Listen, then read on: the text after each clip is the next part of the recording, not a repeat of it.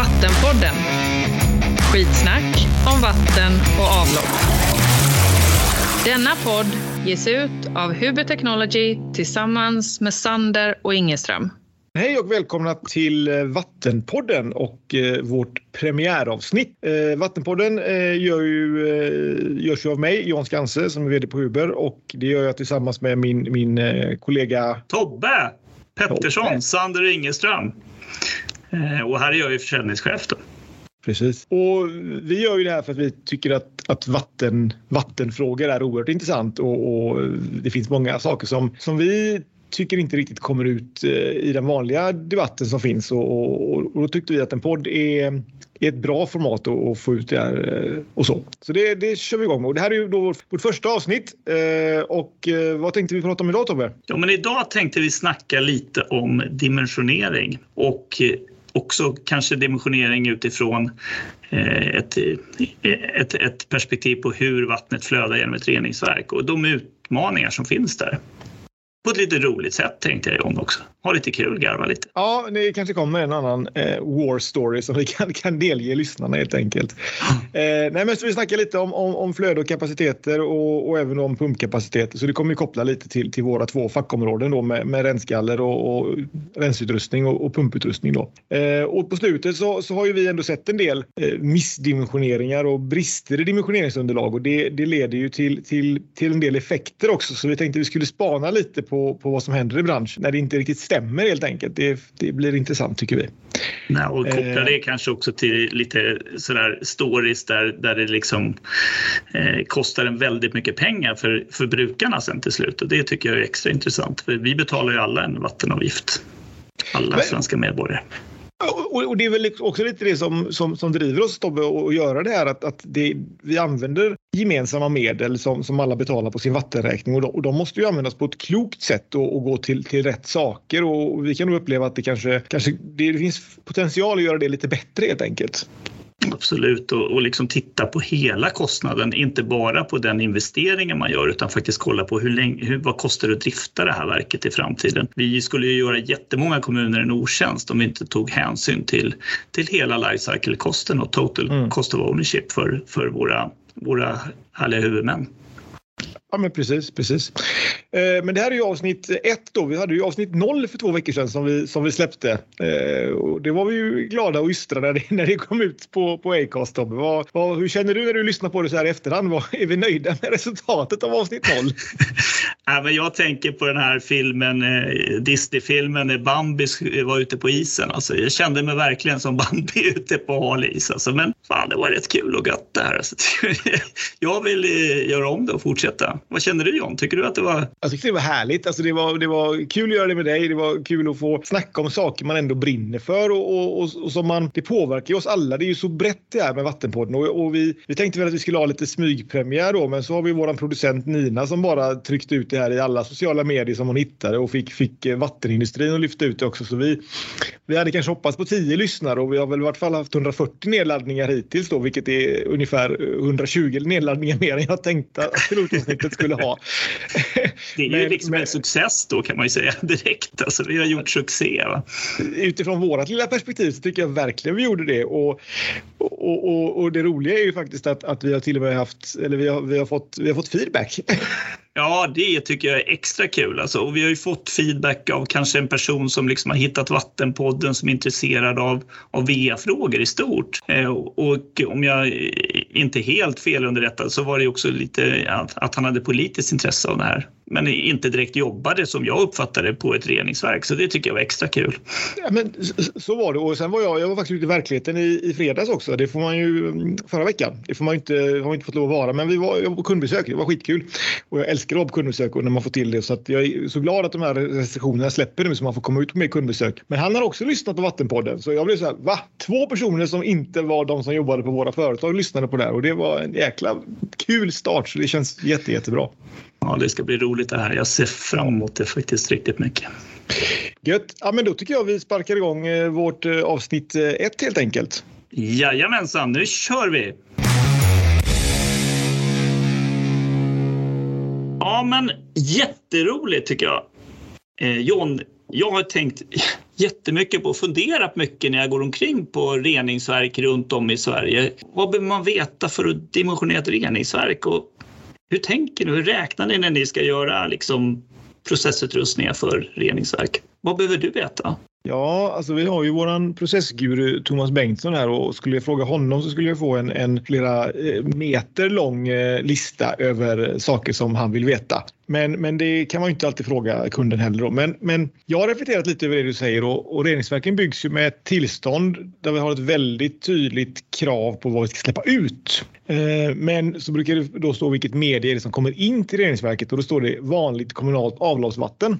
Och det är lite spännande hur, eh, vad, vad det är, för det skiljer ju faktiskt eh, mellan kommunerna. Men, men vi naturligtvis, vi är alltid ute efter flödet och, och det gillar du ju också Tobbe. Det är ofta pumparna som pumpar in det till och med. Så flödet har vi ju som en gemensam, gemensam nämnare, vilket flöde vi ska, ska klara då. Eh, vi är också naturligtvis intresserade av att veta vilken, vilka, hur stor belastning det är i form av SS då, eller suspended solids, alltså suspenderade material. Eh, det är intressant att veta vilken partikelstorlek det är på det som kommer in. Är det självfall in till reningsverket eller är det pumpat? Eh, vi pratade om det i förra podden att pumpar vi så har vi sönder sakerna som kommer. Eh, naturligtvis är ju, är ju sandinnehållet intressant att veta eh, och vi kan komma tillbaka till det. Eh, finns det liksom till mycket tillskottsvatten? Vad finns det industri påkopplat som i sin tur leder till en ökad BOD-belastning. Då. Så att, att säga att det kommer 20 kubik i sekunden av kommunalt vanligt avloppsvatten, eh, det är ju en bra start. Men, men man behöver ju ofta veta, veta mer då. Upplever är... du liksom, nu, nu avbröt jag dig, sorry lite grann. Men okay.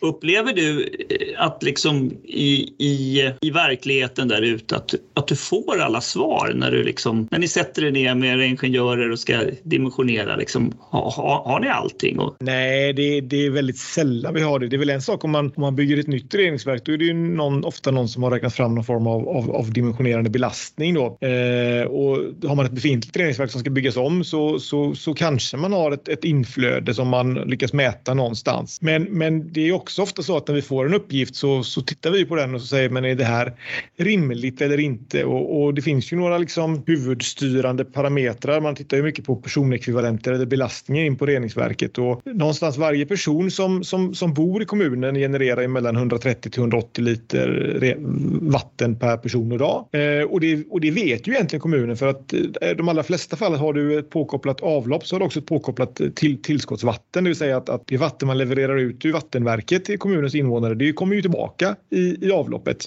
Ja. Så då har man ju någon form av första hum om hur mycket det borde vara. Eh, såklart om man liksom bara levererar man ut så eh, x, x tusen kubik och får emot dubbelt så mycket kubik då, då är det ju då är det någon som pumpar in sjövatten eller brunnsvatten i systemet och, och det har man ju kanske inte betalt för då. Så det är ju också en, en, en aspekt på det. Eh, sen kan man ju ha ett inläckage naturligtvis och det, det, har man ju alltid och det är mycket dagvatten och det kan vara felkopplade dagvattennät och det kan ju vara som i Göteborg har man ju kombinerade system. Så det är också svårt att veta då. Men, men någonstans 130-180 liter per person och dag av avloppsvatten så, som i sin tur då är belastat med liksom 70 till 90 milligram Ehm, suspenderade material. 60 till 70 milligram eh, vet det, BOD per, per person och dag. Då. Eller gram, förlåt. Eh, så man har ju några sådana här grundläggande parametrar att titta efter. Att är den här belastningen realistisk då? Så det, det brukar vi försöka titta på från början och sen så får man väl ofta tänka, men okej, var ligger, var ligger reningsverket? Har man, finns det påkopplad industri som, som, som ett mejeri eller ett eh, slakteri eller någonting som släpper ut massa BOD? Bagerier är fina, det kommer mycket degrester i avloppet som ökar belastningen då. Eh, så då får man ju försöka, och det ska ju den här personekvivalentbelastningen ska ju visa det, men det är ju, det är ju mer sällan än ofta som man verkligen vet vad som kommer in till reningsverket, vilket gör det, gör det svårt. Då. Det, det låter ju som ett jättespännande jobb när man liksom tänker på att man får verkligen fundera igenom att är förutsättningarna rätt och riktiga och ställa frågor till, till beställaren och kunder. Att, ja, men har ni tänkt igenom det här? Då måste du ändå känna att ni bidrar ju väldigt mycket tycker jag. Det är, Ja, det är häftigt. Man blir nästan sugen. ja, men, och det där är ju, det där är ju viktigt och, och, det är ju ofta, alltså framförallt på slamfrågan så kan man få sådär, ja men vi har en, en, en kommun där det, där det bor 15 000 och de har till och med en belastning som motsvarar 25 000 PE säger vi. Och sen så får man en, en slamdimensionering då med, och då får man ju ofta att ja, men det är så här många kubik eh, tunnslam med 3% TSI. Och sen så bara gör man den snabba baklängesräkningen då att, att en person levererar eh, ur sitt system 30 kilo UTS per person och år. Och det är ju också det som, som någonstans de här påkopplade industrierna motsvarar. Och räknar man baklänges så kanske den här kommunen som då har 15 000 invånare och 5 000 industribelastning påstår sig ha en slammängd för 70 000 personer. Det händer liksom. Och vill dimensionera en avvattningsutrustning för det. Men det är klart vi kan sälja det. Men är det realistiskt och rimligt? Och, och så får man liksom börja gräva baklänges i, i det där om, om det är, är relevant då eller inte. Och oftast så händer det ju kanske under frågor och svardelen ofta om vi inte har varit med i ett tidigare skede och fått diskutera det här att, att man reviderar mäng mängderna. Eh, och, och, det är ju gott nog att man ändå reviderar under upphandlingen då så, så att det är, ja, men det är viktigt det där och jag kan väl tycka att att fältstudier eh, är klokt helt enkelt. Alltså hellre att, att, att lägga några, några, några timmar eller några, några kronor på att göra ordentliga mätningar. Vad är det vi har in i vårt reningsverk? För att kan man leverera det till oss så vet ju vi mycket, mycket bättre exakt hur vi, hur vi ska dimensionera det för att klara den nuvarande belastningen men också för, för att kunna ta höjd för eventuella uppgångar och nedgångar och sådär. Då. Så det är, ju mer information vi får desto, desto bättre då, tänker jag. Ja, men kopplat till det du säger så är det där är ganska intressant. Jag, jag ser det också i våran del där vi verkar i, i, i pumpar. Jag kan dra en direkt parallell egentligen till när man tittar på dricksvatten och det ska vi naturligtvis prata om senare i, i kommande poddar också. Men bara en sån här snabb reflektion då att det är faktiskt inte ovanligt att, att, att man säger till, till oss att nej, men dimensionera råvattenpumparna nu för dagsläget eh, 2040 2060 med ganska liksom, stora variationer. Och då, då blir man ju som i vårat fall är det liksom att köpa varan, ja det, det, det, är en reell investering men att äga varan är en verklig, verklig liksom, kostnad ur plånboken. Och det blir en utmaning i sådana situationer att, att skaffa sig en, en råvattenpump som ska klara sig för 2060. Var ska den vara optimal någonstans? Ska den vara optimal 2040? Och hur långa avskrivningstider har man på sin, på sin investering? Det där tycker jag är väldigt, väldigt spännande och jag ser ibland att det där inte riktigt är, är genomtänkt för om man verkligen räknar på det så kanske det vore bäst att byta den här råvattenpumpen 2042 för då är den inte längre effektiv längre. Ja, men, och, och det är ju en, jäkligt, eller en väldigt intressant point du har där Tobbe för att även om vi, vår utrustning med all säkerhet kan hålla från 2022 till 2060, vi, det, det, gör den nog om du sköter den väldigt bra. Det gör säkert dina, dina finaste pumpar också liksom. Men, men, men är det relevant? För menar, om, du, om du backar tillbaka 40 år i tiden, vad, vad sålde man för pumpar då? Hur, drev, hur styrde man dem och vilken energiförbrukning hade du då? Alltså att, att bara för att du har en, en maskinell livslängd på, på 40 eller 45 år eller säg bara 20 år så händer det ju jättemycket under den tiden. Alltså är, är det relevant att fortfarande driva en 20 år gammal utrustning? Jag, jag tror inte det.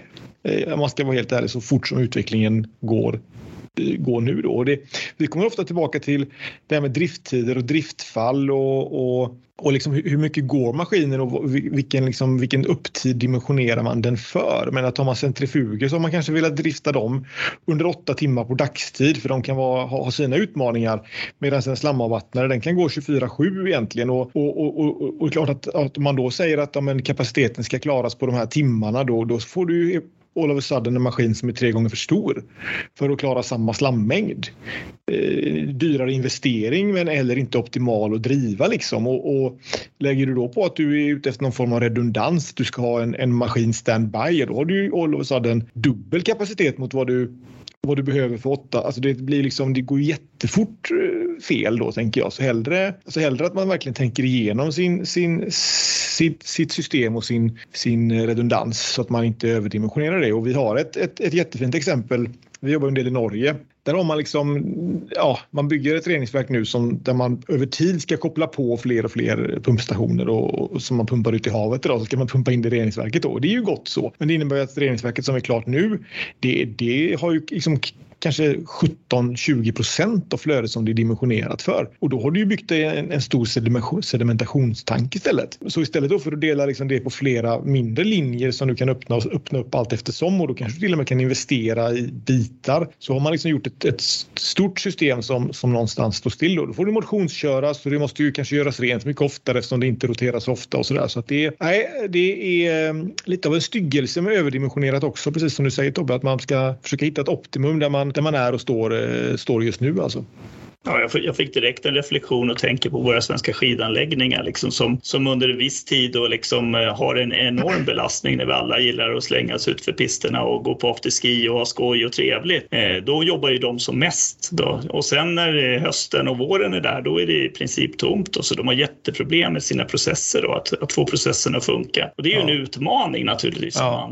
Nej, men jag, jag, jag, jag var säkert, vi har säkert varit på samma, på samma ställe där, men, men då har du liksom kanske low season när alla snickare åkt hem där i början på december innan turisterna kommer. Då är det nästan inget flöde i början på december och sen så har du liksom klockan fyra på nyårsafton när varenda bädd är full i hela byn och alla duschar samtidigt. Liksom. Då, då är det ju fullt ställ och någonstans ska du liksom få en ganska trög process i reningsverket att, att hantera det där. Det är, det är utmanande och jag, alltså om man ska jobba på något reningsverk så, så är det på dem och då kan man dessutom åka lite skidor emellan också så det ska jag sätta på min bucketlista, jobba på reningsverk på skidort. ja, det är extra kul när man får sådana beställningar. Då har man ju lite, lite extra fun så att säga på jobbet. Exakt, exakt. Jag, jag försöker alltid få med familjen och titta på ett reningsverk när vi är på våra skidsemestrar men det, det har inte funkat hittills. Jag tror inte det kommer hända heller. Nej, när jag kör bilen med familjen och sådär och säger det där har pappa byggt liksom till barnen. De bara, men sluta nu prata om pumpstationer. pappa, lägg av nu liksom. ja, vi ska nog kunna slussa in dem i det här också. Då. Ja. ja. nej, men så, så som sagt, dimensionering är, är jäkligt vikt, eller väldigt viktigt och, eh, och, och eh, som alltid ta, ta hjälp av, av, av, oss i tidigare skeden som sitter och jobbar med det här varje dag. Eh, så, så, så kommer vi komma med goda råd som gör att man kan landa, landa rätt helt, helt enkelt inför sitt projekt.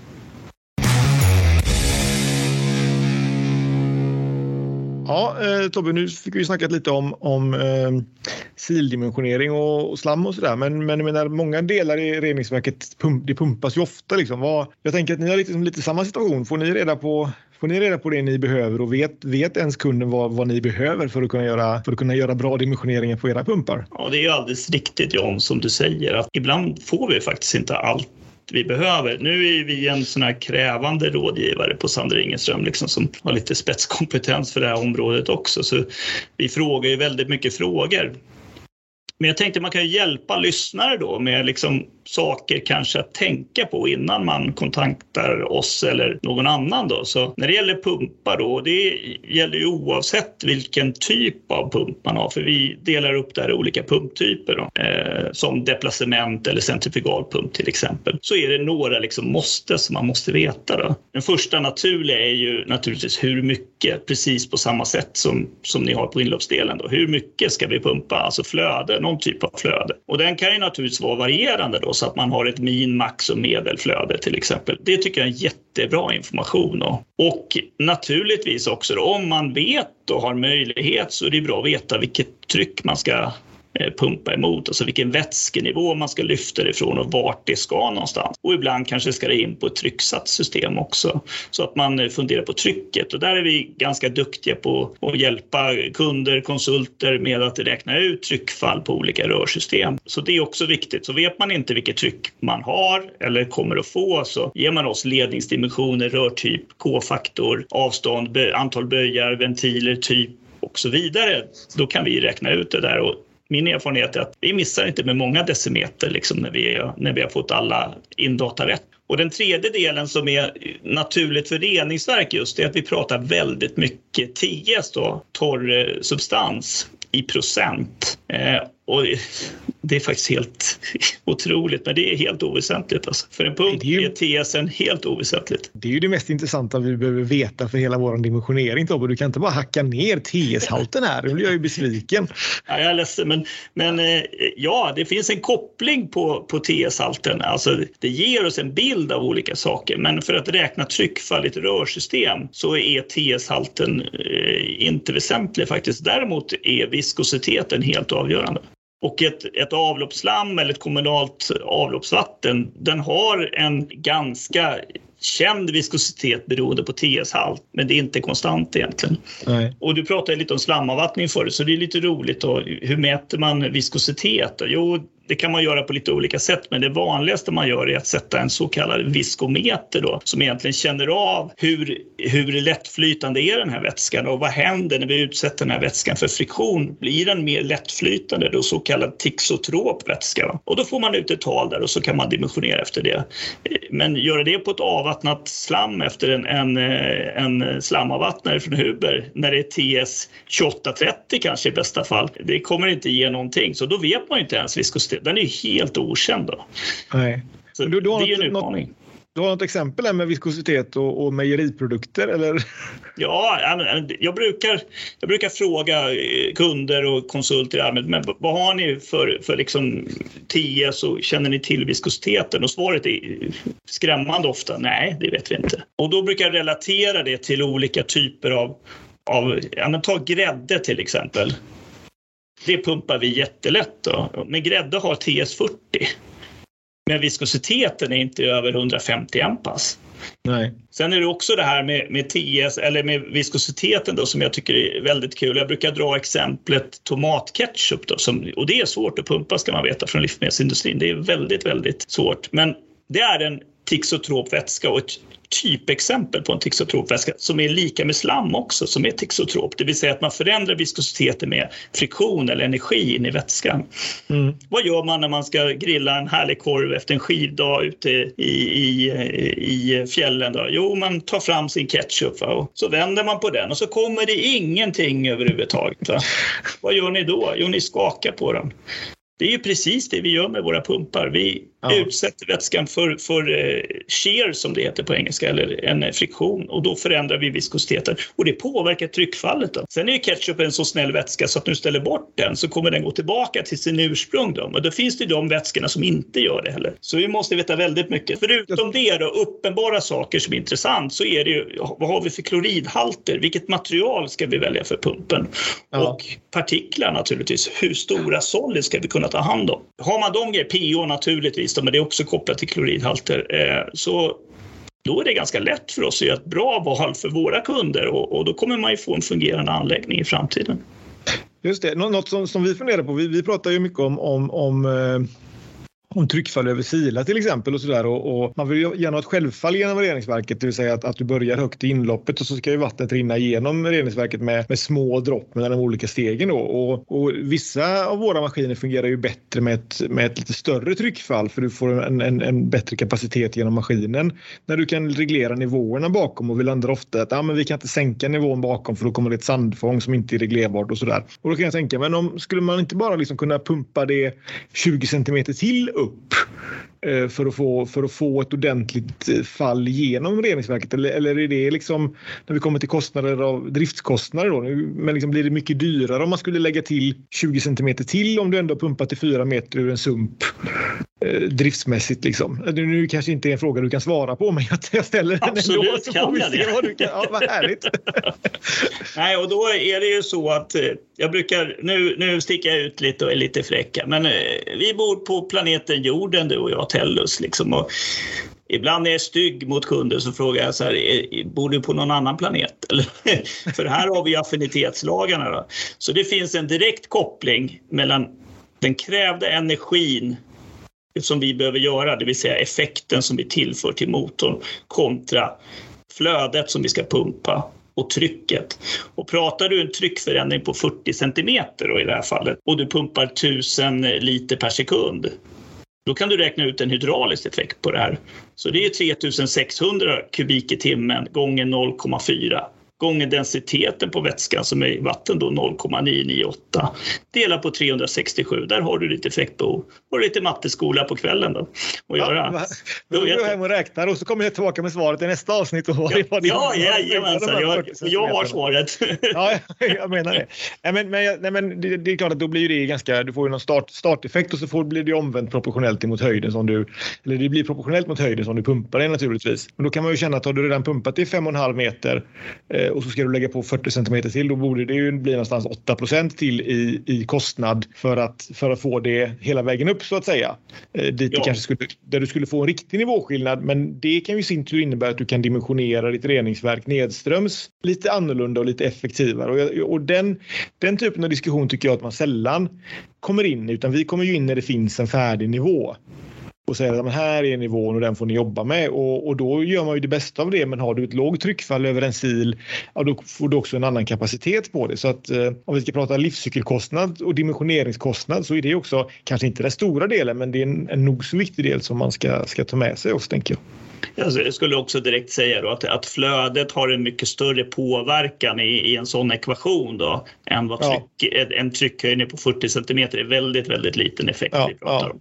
Så det kan man nästan svara, ja men det är mycket smartare att göra så naturligtvis. Om det får en bättre slamhantering eller bättre slam process eller produktion av att höja 40 centimeter. Do it, just do it som de säger. Det, ja, men, det, det är ofta rens, renshanteringen som, som blir annorlunda när man, när man får upp det lite. När man, kan, när man kan ha nivåskillnader att jobba med helt enkelt. Och, det, det, och därför gillar vi ju, det är ju det som är bra med pumpat inlopp också. Att någonstans då, då är det ju lite mer reglerbart än när du har ett självfall in som, som det, kommer, det som kommer det kommer. Och så får du ta hand om det liksom, och då får ja. du de nivåerna du får. Liksom. Och sen tänker jag också att, att menar, det har ju med kemikalieförbrukning att göra också naturligtvis. Att ha ett jämnare flöde flödeinterverket gör också att du har en mer optimerad mm. kemikalieförbrukning och du får mycket mer ut av din fällningskemikalie och så vidare. Och så vidare. Mm. Men jag lovar en liten rolig story också ja. kring det här med när det går fel. Och, jag, eh, och det är då efter centrifuger eller, eller slamavvattningsutrustningar eh, i sig. Då, så visste vi ju inte viskositeten, va? den är ju helt okänd. Då. Så då sitter man ju naturligtvis och gissar lite grann. Då. Och jag var i Grums då, det här är många år sedan, det är kanske en säkert tio år sedan och vi hade en tysk eh, area sales manager som kom i kostym ut till ledningsverket med mig i lilla Grums för det fungerade inte det vi gjorde där. Då. Vi, vi började liksom pumpa ut det här mot en platta då i eh, avvattnat slam, med en torrslampump som har en matarskruv och den, den, den gav inte vad den skulle göra. Jag tänkte liksom att, att det är sån övervallning här och pumpen är ny så det borde vara mycket högre tryck än vad som vad som är på den där manometern. Så frågar jag driftkillen där, jag hoppas att han har gått i pension nu, för han, han var lite äldre, att, att Eh, du, är du säker på trycket här? Det här borde fungera. Och så vänder jag mig om och då går han bort till tryckmätaren och börjar gänga av den här tryckmätaren. Eh, och Arvin då, han kom med sin fina kostym och sina fina skor gående och skulle titta vad han gjorde. Och jag inser att det är mycket högre tryck så jag hinner kasta mig framför Arvin när manometern går upp i taket och gör en buckla i plåttaket och får en stråle med, eh, med eh, avvattnat slam, en kombination av polymer och också tillsatt vatten då, som man försöker driva ur den här ledningen över hela ryggen, i håret. Eh, och Arvin han står helt chockad eh, men har fått naturligtvis några små prickar på sig. Och kunden han vet ju inte vad han ska ta vägen. Så han, han börjar titta runt omkring och jag bara tar av mig mina kläder, eh, allt utom kalsongerna och så sa jag det gick ju bra det där. Kan, du tror inte du kan låna en t-shirt till mig när vi ska åka hem? That's why work is fun ibland tycker jag. ja, jag påminner mig om att jag ska berätta, berätta en historia om, om en slamkanon eh, vid en senare podd när du, som jag fick till mig nu när, vi berätt, när du berättade den här helt enkelt. Ja, nej men, och, men och tillbaka igen, vi pratade om det i första podden, var, varför vi, eller pilotpodden, varför vi jobbar i den här branschen och det är väl just de här sakerna som gör att det är så pass roligt. Det är detektivarbete i ena ändan och det är livräddning och stå på en kall slamplatta i kalsonger i andra ändan. What more do you need? Allt för kunden. Allt för kunden. Ja, men vi har väl sammanfattat, tycker jag, ämnet kring pumpdimensionering i den här delen av podden. Så att eh, vi hoppar vidare. Ja, men då fick vi ju snackat lite om, om, om pumpdelen också Tobbe. Det är alltid, alltid kul att höra hur det kan gå i Grums. Eh, vi, vi pratade lite om det i inledningen här om, om, om, feedbacken vi fått som vi blev väldigt, väldigt glada över och nästan lite starstruck att någon ens skickade någonting. Men, men det var ju en väldigt relevant fråga egentligen som, som, som våran, våran eh, poddlyssnare tar upp där. Och, och som vi, så vitt vi förstod så satt, satt lyssnaren i någon form av VA-nämnd och, och, och, tittade på att de skulle bygga ett nytt reningsverk i, i kommunen som han var politiskt engagerad i. Eh, och, och, och det lät på honom som att det höll på att bli väldigt, väldigt dyrt. Ehm, och vad, vad, vad, tänker vi om det Tobbe? Alltså de här dimensioneringar och feldimensioneringar och sånt, det, det, det driver ju kostnader. Men, men, är det så dyrt med VA eller var, varför, blir, varför blir det så? Vad, vad, vad är din spaning på det?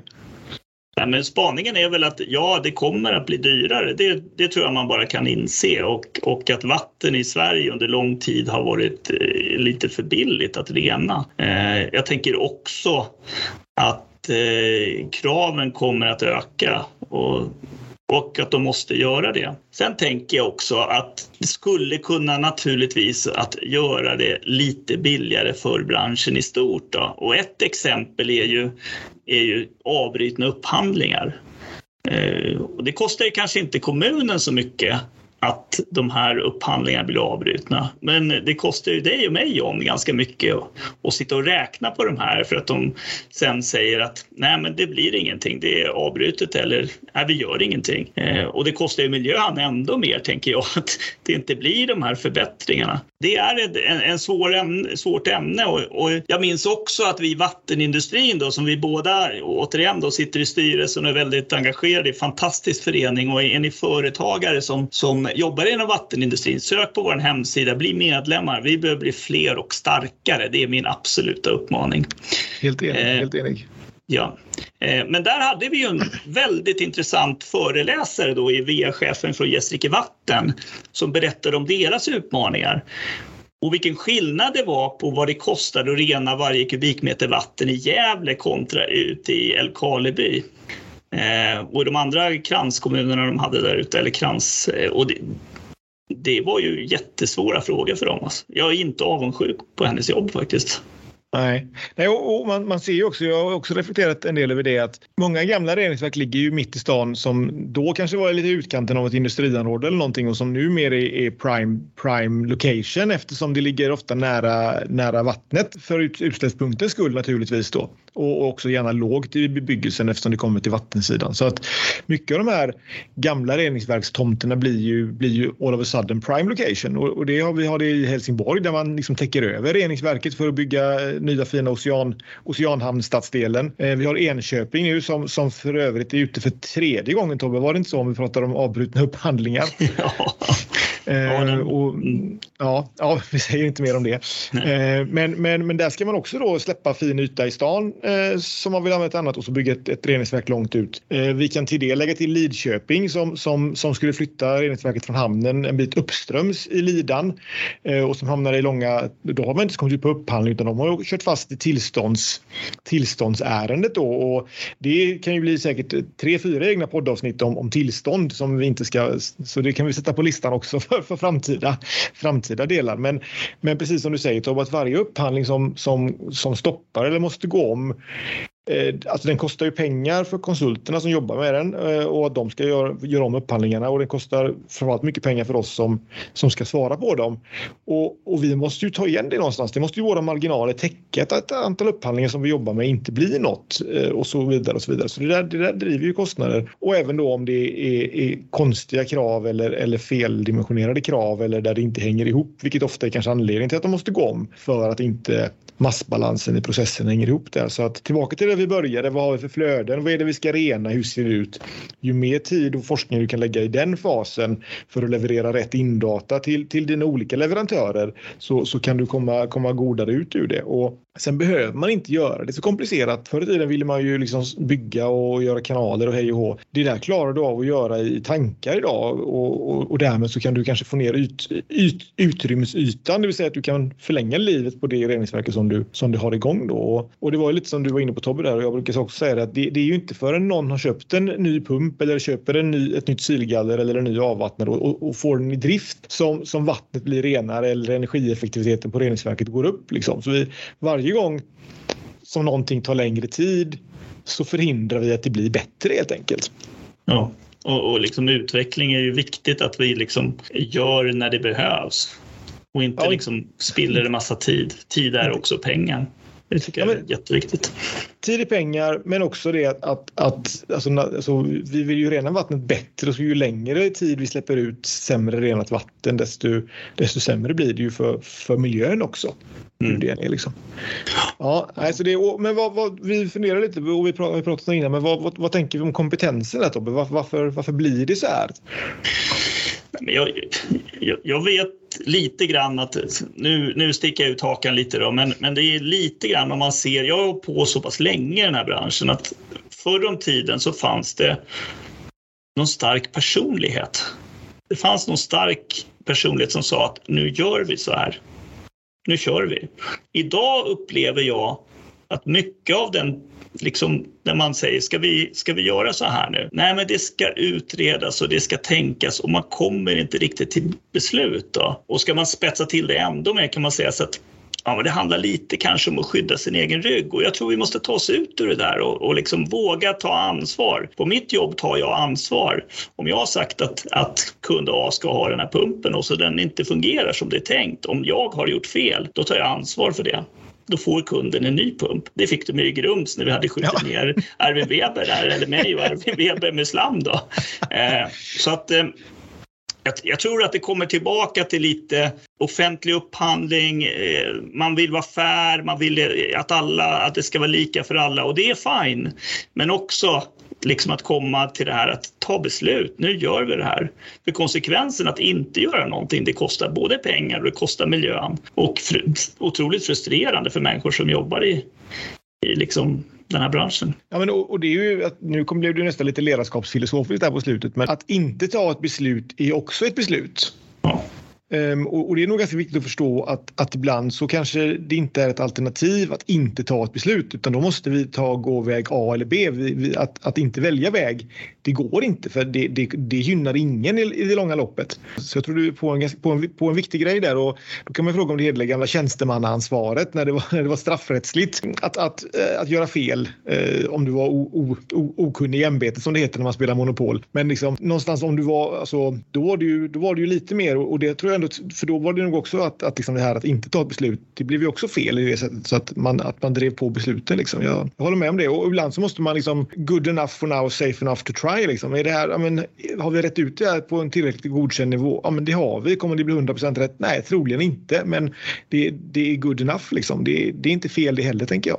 Nej, och sen också när man kommer till, det blir också eget avsnitt tänkt i olika upphandlingsformer. Där har vi ytterligare ett poddavsnitt. Liksom. Men, eh, ja, man har ju suttit i många olika eh, liksom, processer liksom ifrån eh, liksom en ABT till, till en partring och, och så där. det som är gemensamt tror jag för de lyckade projekten, de som man verkligen bara går därifrån och wow, fan vad fint det blev. Nu svor jag, men det blev väldigt fint.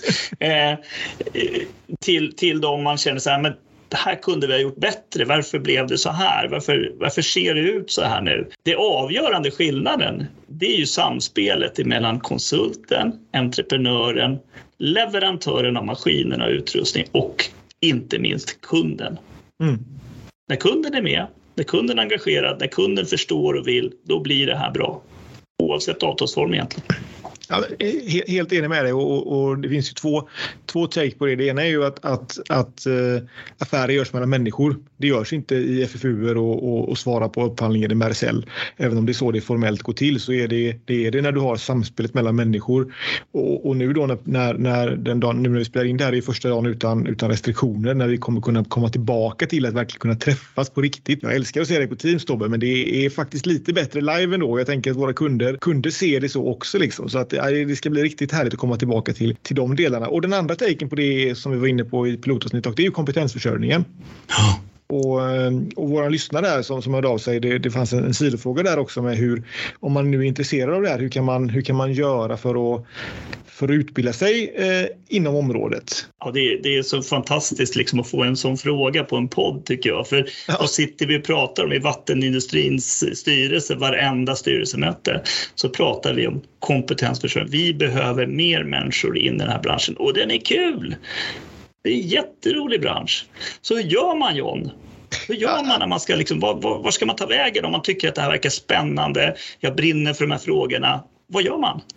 Ja, men vi, vi pratar ju inte bara styrelsen utan vi gör ju lite också. Eller vi har ju framförallt ett kansli som, som gör saker som vi bestämmer och medlemmarna gör ju en del också. Men, men man kommer faktiskt att, att lägga till en del på, på vattenindustrins webbsida där man kommer att presentera olika utbildningsvägar. Eh, allt från att bli civilingenjör och professor i vattenreningsteknik till att bli eh, driftare helt enkelt. Och då finns det ju YH-utbildningar och det finns ju mellaningenjörsutbildningar och det finns försäljningsingenjörer och det finns ju liksom professorutbildningar. Så någonstans kommer vi att försöka samla dem där så att man om man då är intresserad av det här kan, kan ta den vägen. Så det, det, det kommer komma under våren och vi kommer ju med all säkerhet att lansera det här i, här i podden. Ja, och, och om man undrar då vart man söker så är det då www.vattenindustrin.se som är webbsidan för branschorganisationen. Så Bra Tobbe. Och in och kika. Och vi länkar från, från poddens eh, lilla webbsida på, på, där vi presenterar podden också naturligtvis. Perfekt. Ja, men då, då tycker jag vi försöker eh, sammanfatta och avsluta lite och prata om, eh, om vad vi ska göra nästa gång. Det gör vi. Ja, men för att liksom försöka sy ihop den här eh, podden då, eller säcken, så, så har vi ju egentligen diskuterat lite grann om, om eh, vad man behöver veta för att kunna dimensionera eh, ett reningsverk i allmänhet med flöden och SS-belastningar och inläckage och påkopplade, påkopplade PE och så vidare. Eh, och sen Tobbe snackade du lite mer om, om, om tryckfall och, och pH-värden och flöden naturligtvis. Eh, och du fick en fin matematisk formel om energiförbrukningen för att pumpa vatten till en, till en viss höjd som jag lovar att komma tillbaka med och, och har räknat på till, till nästa gång. Eh, och, och sen naturligtvis så, så, så lyfter vi också upp eh, kompetensbristen som, som någonstans kanske ligger lite till grund för att vi, vi hamnar i lägen som gör att upphandlingar och reningsverk blir, blir dyra där. Och, och, och vår slutkläm på det är väl lite grann att vi, vi tror att, att alla led i kedjan behöver mer kompetens och, och, och kommunerna som, som, som sitter som som beställaren då, ju mer de vet eh, desto, desto, desto bättre kommer de kunna vara att engagera sig i, i, i de framtida frågorna och, och se till att det blir på, på, rätt, eh, på rätt nivå helt enkelt. Men, men Tobbe, det var vad vi pratade om idag. Vad, vad, vi tänker ju släppa en podd, podd 2. Det här var ju podd 1 då, men podd 2, vad, vad tänker vi prata om då?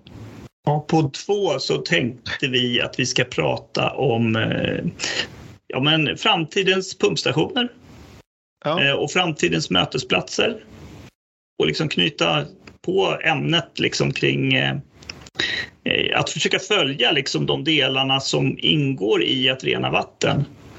Eh, och framtidsmötesplatser är ju väldigt aktuellt med tanke på att det också kommer eh, med allra största sannolikhet att gå en VM-mässa nere i Jönköping här i, i slutet på mars. Då. Så det tänkte vi snacka lite om.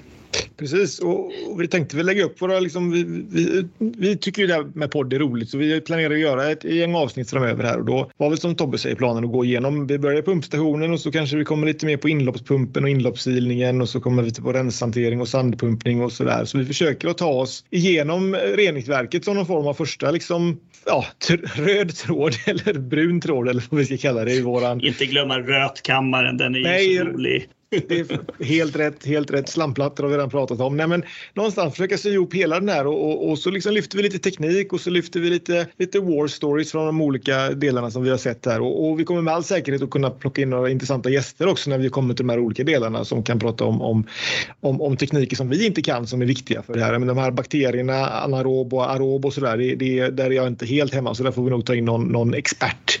Mikrotrixer och sådana kul grejer. Ja, det där är, ja, ja, ja, nej, vi lämnar det. Vi lämnar vi det lämnar helt enkelt. Det det. Men vi har ju, vi har ju John, det är ju liksom en speciell dag idag. Det är våran premiäravsnitt på våran fantastiska Vattenpodden. Men det är också en speciell dag för dig John, för du fyller ju faktiskt år idag. Ja, så är det ju faktiskt. Vad, vad glad jag blir på Tobbe att du, att du tar upp det. Det värmer ett, ett, ett 46-årigt hjärta att få lov, att, få lov att fylla år ännu en gång. Eh, så ja, tack så mycket att du, att du lyfter upp den, grattis, den frågan. Grattis, grattis. Ja, tack, tack, tack. Ja, vi var ju lite nyfiken på, på vad är favorittårtan då? Vad blir det hemma i, kring middagsbordet ikväll?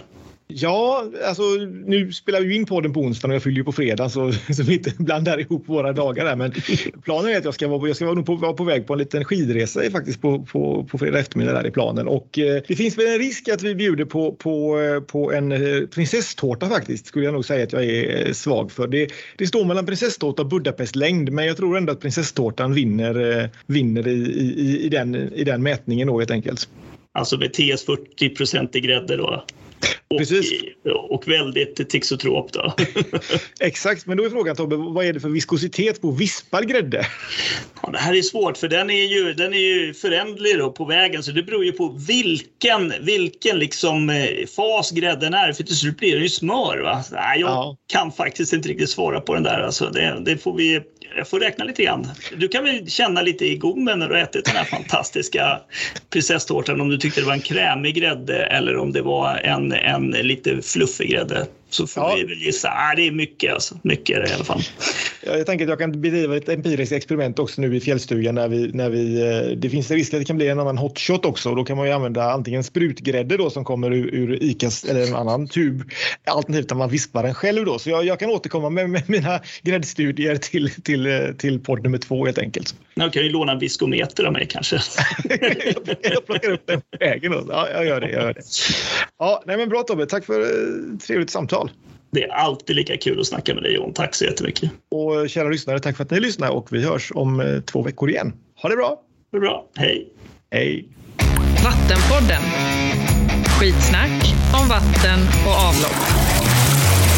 Denna podd ges ut av Huber Technology tillsammans med Sander och Ingeström.